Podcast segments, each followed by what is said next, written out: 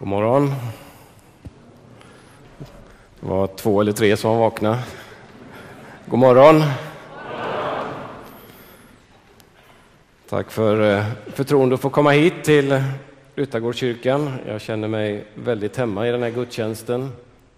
Jag jobbar själv som pastor i Filadelfiakyrkan i Örebro sedan fem år tillbaka. Och eh, det var som att vara hemma i Philadelphia. Jättekul att vara med i den här gudstjänsten. Tack för förtroendet att få komma hit. Jag sa till Fredrik när vi pratade i veckan att jag undrar om det är någon församling i Sverige där jag pratat Uppenbarelseboken så många gånger som i Ryttargårdskyrkan i Linköping. Det är faktiskt fjärde gången jag är här på tio år. Det kanske du inte är medveten om och jag vet ju själv att eh, en församling delvis förnyas och byts ut efter åren så det kanske är lagom att jag kommer med en femårsintervall. Vi ska prata Uppenbarelseboken idag och vi ska ju fortsätta i eftermiddag också eh, då vi ska prata mer om att läsa och tolka Uppenbarelseboken. Här på förmiddagen skulle jag vilja koncentrera mig någonting kring Uppenbarelsebokens budskap eh, och övergripande innehåll. Det är ganska lätt att konstatera att vi lever i en tid som eh, kan betecknas som orolig på olika sätt.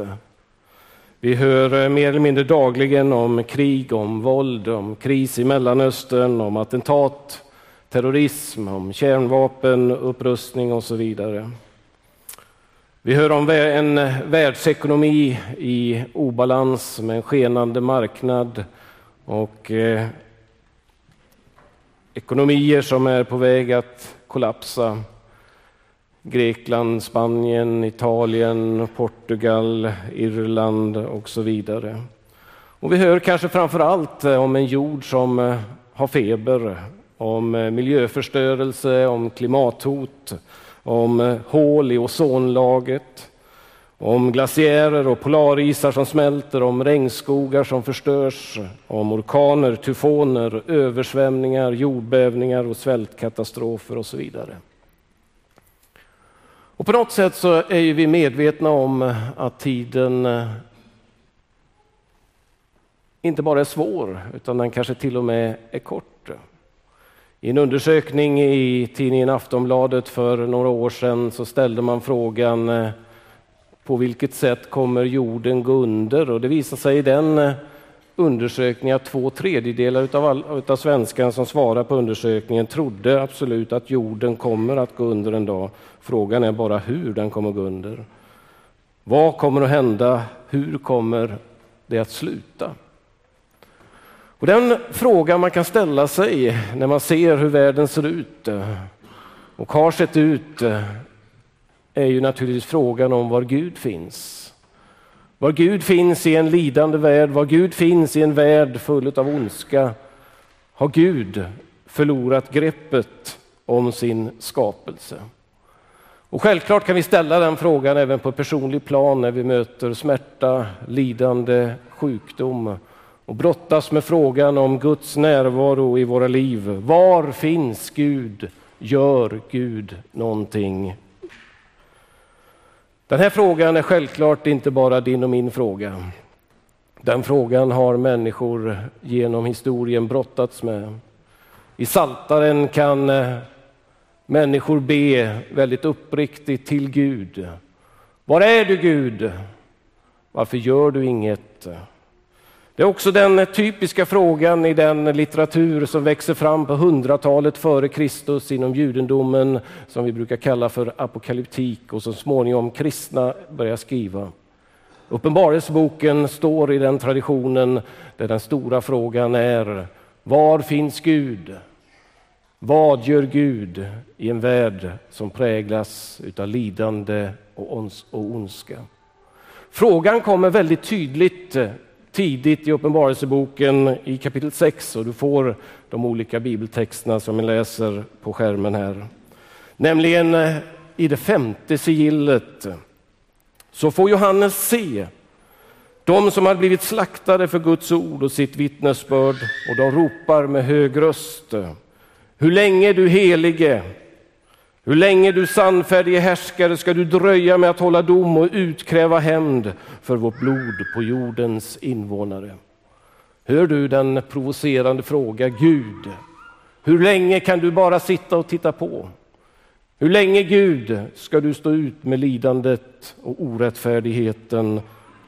Varför gör du inget? Det är mot den här bakgrunden som vi ska läsa Uppenbarelseboken. Det är mot den här bakgrunden som eh, vi ska förstå Uppenbarelsebokens tronspråk. Det finns 47 tillfällen i Uppenbarelseboken där ordet tron, det vill säga en som man sitter på, en maktposition används. 47 gånger på 22 kapitel.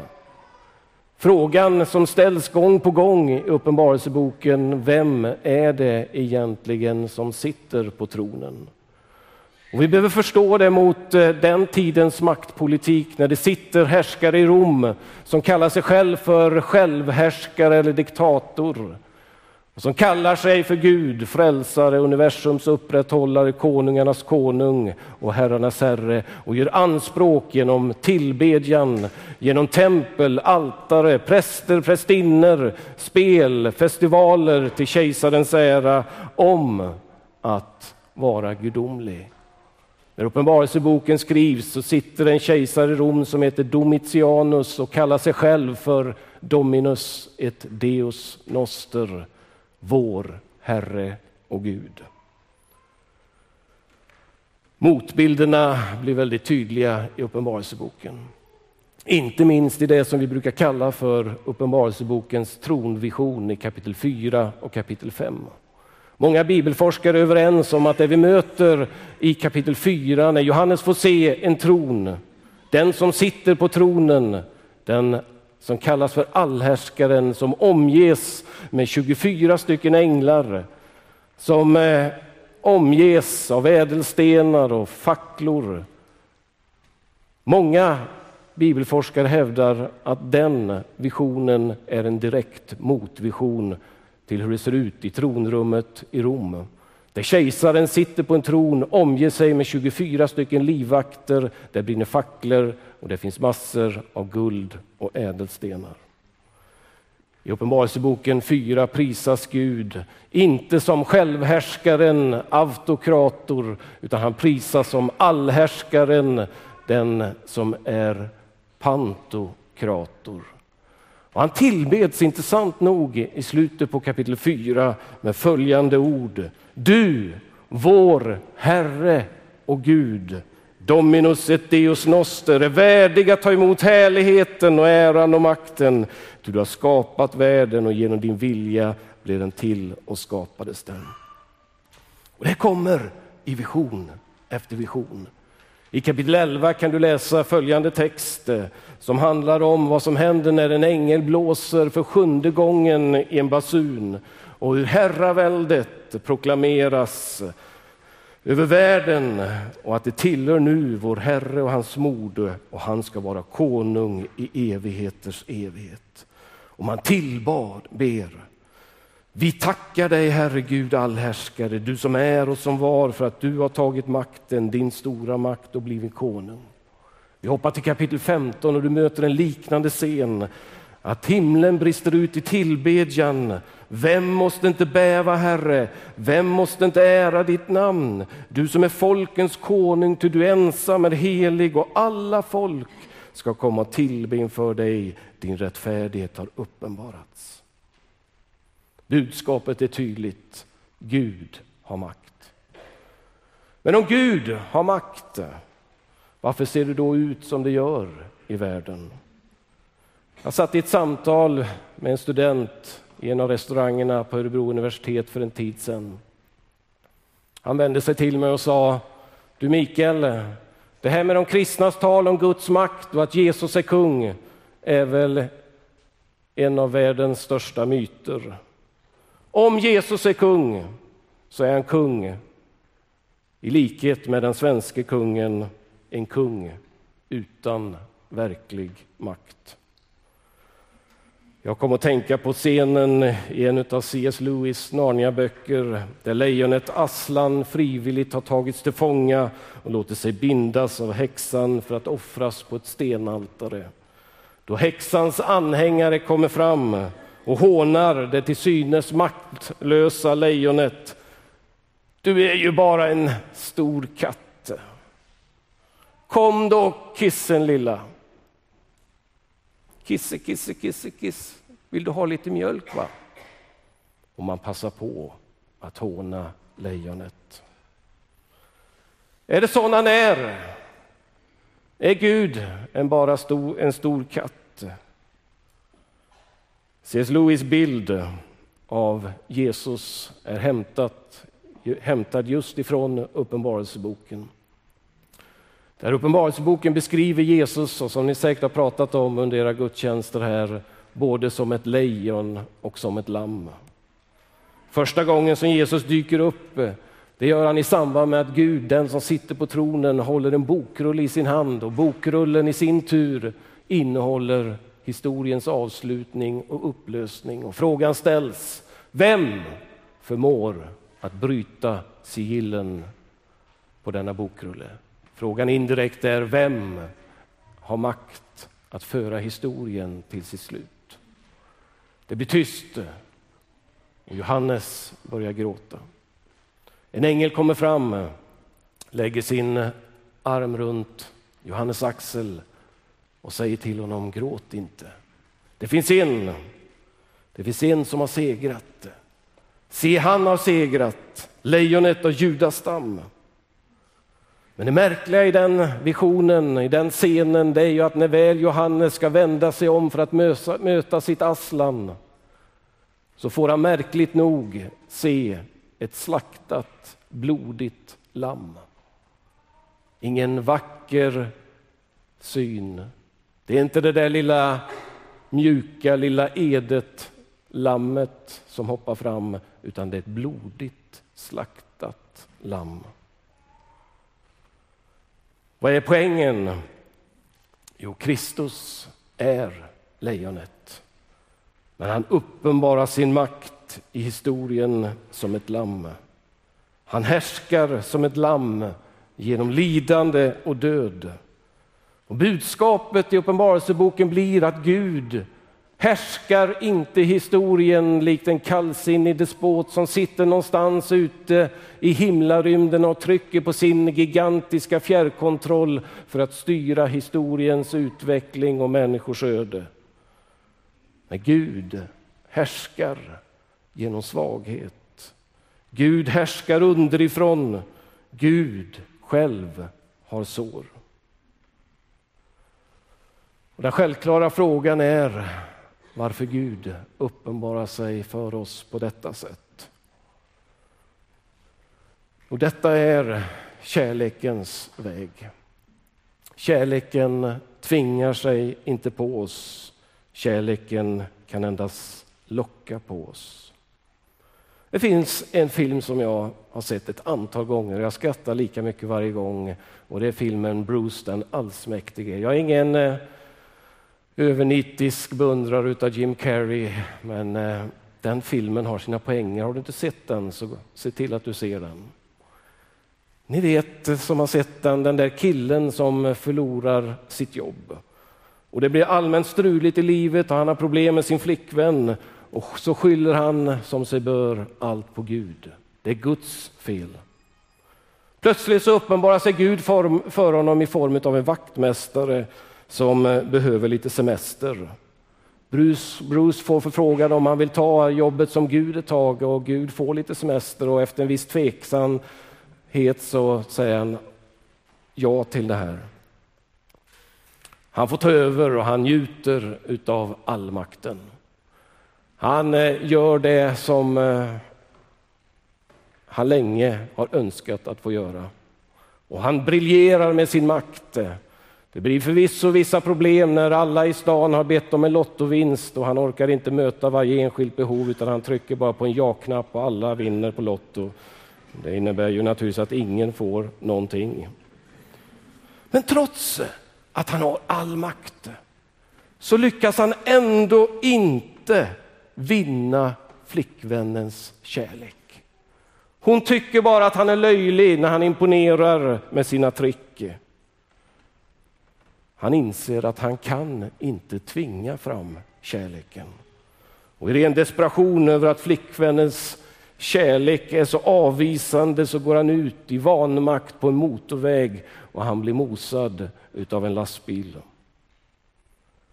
Han möter Gud i en slutscen i himlen.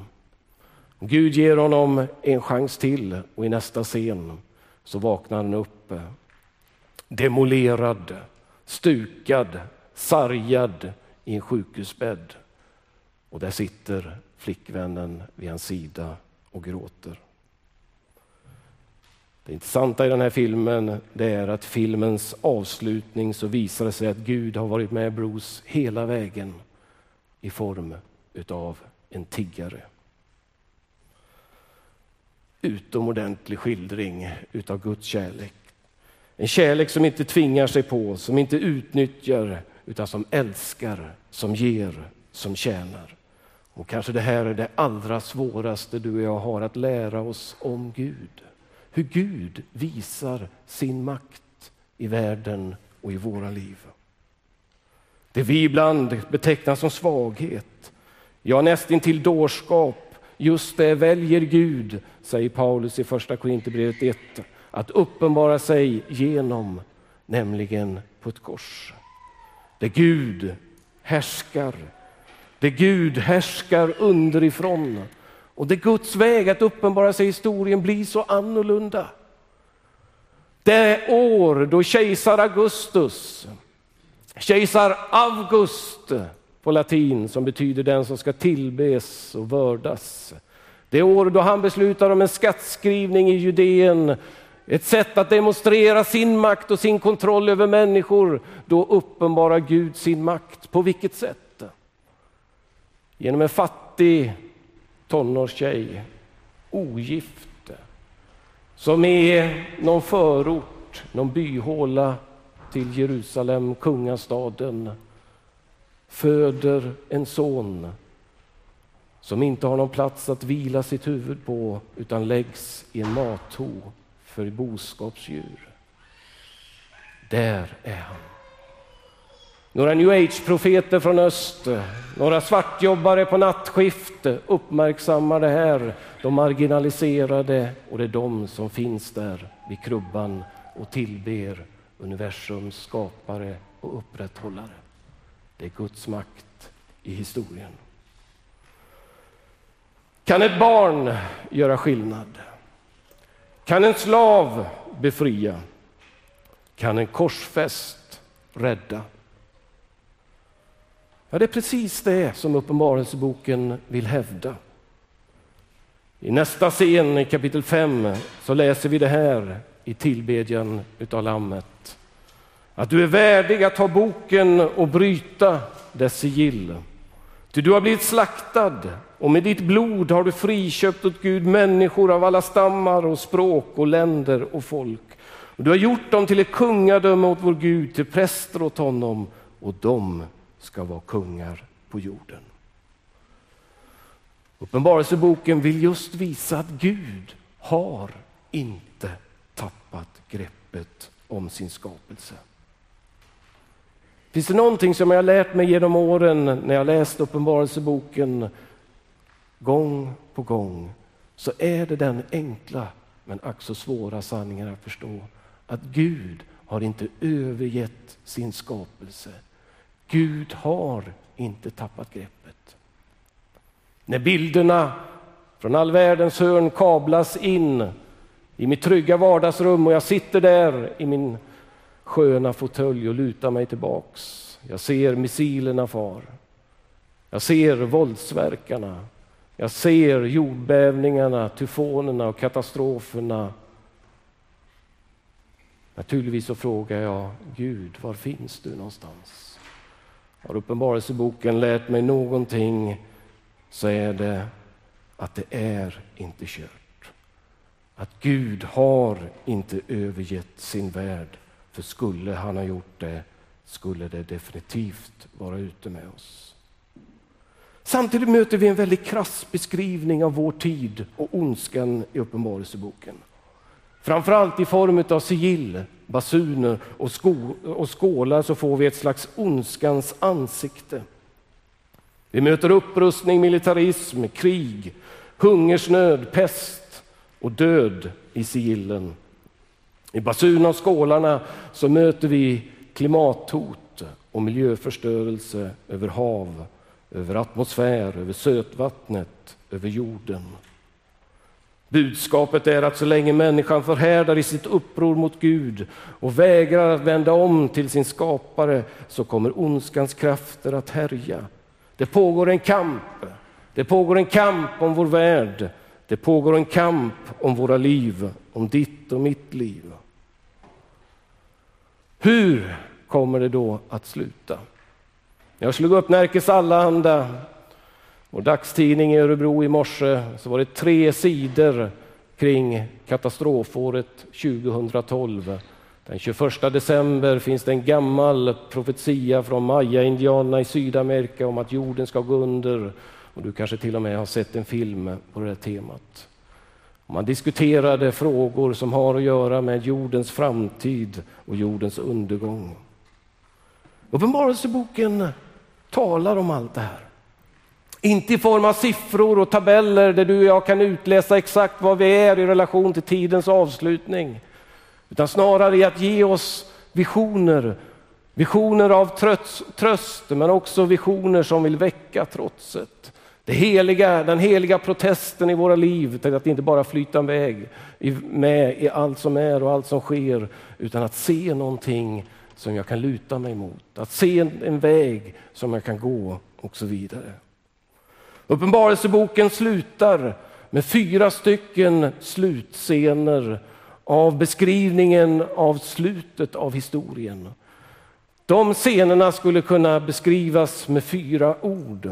Det första ordet och den första scenen som vi möter är scenen utav en fest i kapitel 19, 1-10. De här scenerna löper fram till och med kapitel 21. Nämligen att när Gud griper in i historien, då blir det fest. Johannes får höra en röst från en stor skara, liksom av stora vatten. Och röstna stark åska, halleluja, Herren, vår Gud, allhärskaren är nu konung. Låt oss vara glada och jubla och ge honom vår hyllning, till tiden har kommit för Lammets bröllop och hans brud har gjort sig redo. Har, hon har fått rätt att klä sig i skinande vitt linnetyg, till linnetyget är de heligas rättfärdiga gärningar. Och så beskrivs Guds inträde i den här världen som en fest. Det var det som de gammaltestamentliga profeterna talade om, att när Gud, när Herrens dag bryter in i historien, då blir det ett stort party. Då blir det som en stor messiansk fest där vinet flödar. Notera att när Jesus börjar sin verksamhet enligt Johannes evangeliet, vad gör han? Ja, han är på en bröllopsfest. Och han gör det som profeten Amos i kapitel 9 talar om, nämligen förvandlar vatten till vin. Det är festen. Brudgummen är här. Bröllopet blir bilden på Guds rike. Det var någon som sa till mig att för mig är talet om Jesu tillkommelse, om Jesu återkomst, det är inte fest, det är pest. Och så berättade hon för mig om hur hon växte upp i ett sammanhang där det har spekulerats mycket och hur det här har skapat ångest och oro i hennes liv. Och sitter du med den erfarenheten så läs den här visionen. Det är inte ångest och oro som Gud möter dig med i första hand, utan det är fest. Och vem vill inte vara med på fest? Vem vill inte få den här inbjudan att vara med på festligheter? Den andra bilden som ges i Uppenbarelseboken av det som sker när Gud kommer med sitt rike, det är segern som skildras i Uppenbarelseboken 19 och 20. Den scenen beskriver Guds uppgörelse med ondskan genom Jesus Kristus. Och jag såg himlen öppen och se en vit häst och han som satt på den kallas trovärdig och sann och han dömer och strider rättfärdigt. Och han har ett namn skrivet på manteln och på låret, konungarnas konung och herrarnas herre. Det är konungens återkomst. Den här visionen handlar om hur ondskans makter döms i kraft av Guds talade ord. Vi fostras in i, en slags humanistisk utvecklingsoptimism. Vi lär oss att allt blir bättre och bättre dag för dag. Att världen är vår och hela tiden blir bättre och att det är den starke som segrar, the survival of the fittest. Men varken humanismen eller evolutionismen kan lösa ondskans problematik. Dessa ideologier står handfallna inför krig, inför förintelse, inför mord, inför apartheid, inför barnpedofili. Kristen tro innebär att tro på att det finns någon som har besegrat och kommer att besegra de mest destruktiva och djävulska krafterna i tillvaron. Att Gud kommer att gripa in och omintetgöra alla orättfärdiga och förtryckande regimer och samhällsstrukturer. Där Gud kommer att förgöra varje dödlig cancertumör. Där Gud kommer att döma varje känslokall våldsverkare och bedragare. Där Gud kommer att förgöra det mest aggressiva ledverk. Där Gud kommer för att göra upp med girighet, själviskhet, kärlekslöshet, likgiltighet och falskhet. Och det gör han genom den vision som följer efter detta, som handlar om domen. Att Johannes får se en vit tron och honom som sitter på den och jorden och himlen flydde inför honom och det fanns inte längre någon plats för dem. Och jag såg de döda, höga och låga, stå inför tronen och böckerna de öppnades och ännu en bok öppnades, Livets bok. De döda dömdes efter vad som stod i böckerna, efter sina gärningar. Jag vet inte hur många gånger jag pratar med människor och har pratat med människor de senaste åren som eh, upplever Bibelns tal om dom som frånstötande och svårförenligt med tanken på en kärleksfull Gud. Vi möter det väldigt tydligt i skrift i Jonas Gardells bok om Jesus där han inte får ihop en Jesus som kan tala både om Gud som domare och Gud som far. För Gardell blir till slut ingen skillnad på en gallrande Gud och Hitlers dröm om ett tredje rike. Gud gör sig av med det som han vill. Därför gör sig Gardell av med alla domstexter. Men i Uppenbarelseboken är det väldigt tydligt att talet om att Gud dömer är goda nyheter. Det är en tröst, inte ett hot. Det är ett uttryck för att Gud är en rättvis Gud. Där Gud prisas för sanna och rättfärdiga domar vid ett antal tillfällen. Gud är inte likgiltig inför ondskan och det som är orätt. Om han vore det skulle han då vara en Gud att lita på en Gud att anförtro sitt liv till. Nej, Gud skulle vara orättfärdig om han inte kunde döma orättfärdighet. Gud ser inte mellan fingrarna på medvetet trots och uppror mot hans vilja och den som förstör hans skapelse. Men självklart innebär tanken på en rättvis dom också på att Gud dömer rättvist. Domen ligger helt och hållet i en rättvis Guds händer. Den här texten slutar med att tala om att det finns en dubbel utgång utan att exakt tala om vad detta innebär.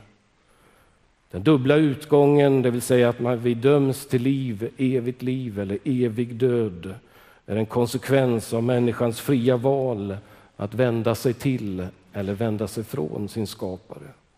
Vad nu evig död innebär så tycker jag det fångas bäst i C.S. Lewis ord Om helvetets portar är låsta så är de låsta inifrån.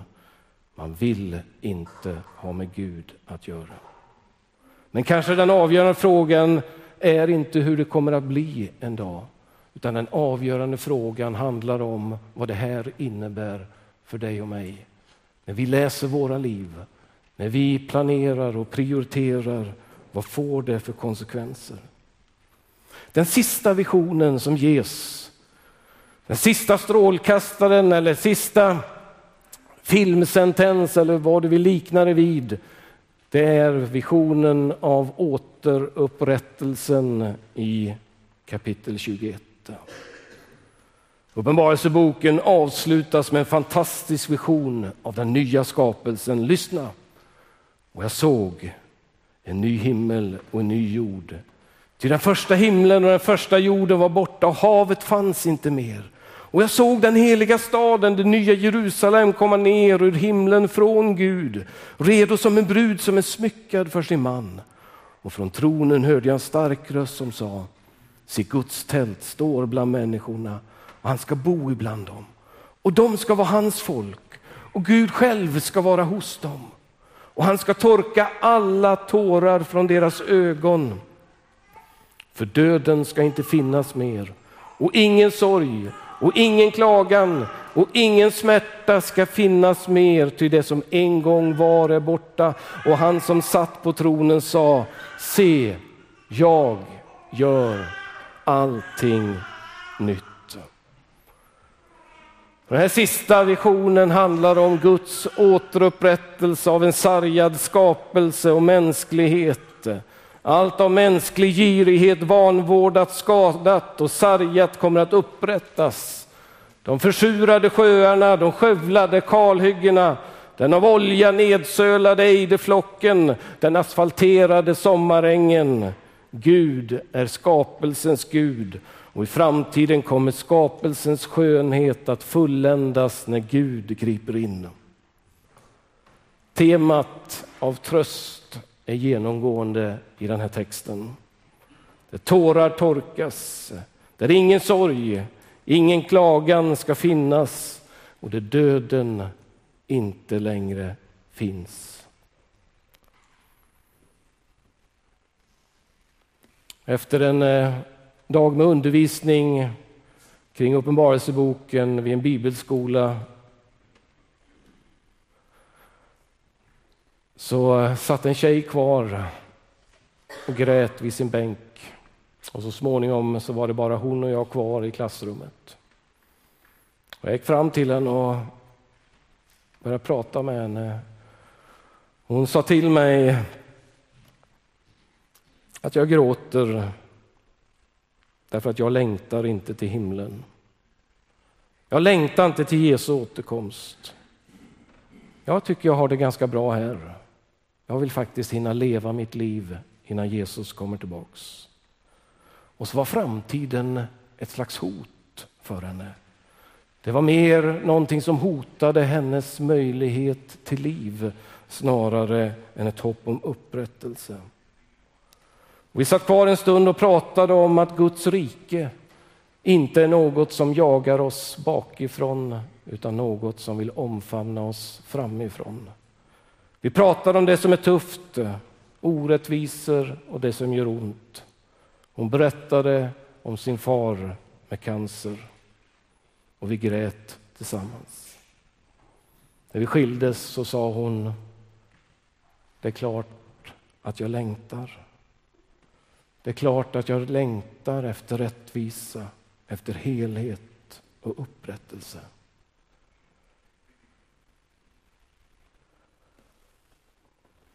Till dig som eh, kämpar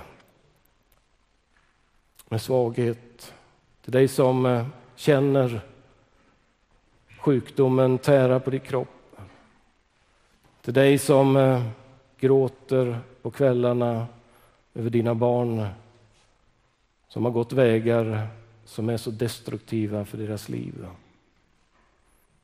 Till dig som känner smärtan när du läser tidningen på morgonen.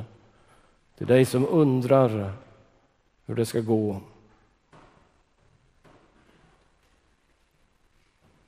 Uppenbarelseboken berättar för dig och mig om att det finns en Gud som kämpar. Att det finns en Gud som i allra högsta grad är involverad i det som sker i världen. En Gud som lider med dem som lider, en Gud som gråter med dem som gråter. Men det slutar inte där, utan det är Gud som kommer för att läka, för att rädda, för att upprätta och segra. Karl Marx kritiserade kristendomen för att vara ett opium för folket. Ett sömnpiller, en slags kosmisk Alvedon som söver och dövar människor inför verkligheten. En slags pie in the sky when you die, som engelsmännen säger. En paj i himlen när du dör en gång. Men Bibeln och Uppenbarelseboken säger själva verket tvärtom. Att det är människans obotliga tro på hennes egen förmåga att göra gott och att själv kunna skapa sig ett paradis här på jorden. Det är just det som söver och dövar henne. Med Uppenbarelsebokens perspektiv av framtiden vill varken söva eller döva dig och mig. Det kristna hoppet syftar inte till att droga oss utan till att väcka oss och engagera oss för Guds värld. I protest mot Marx säger den brittiske teologen Nicholas Lash att kristen förkunnelse, kristen tro om framtidshoppet är inte narkotika. Det är stimulantia. Det är något som väcker oss till liv. Låt oss be om det.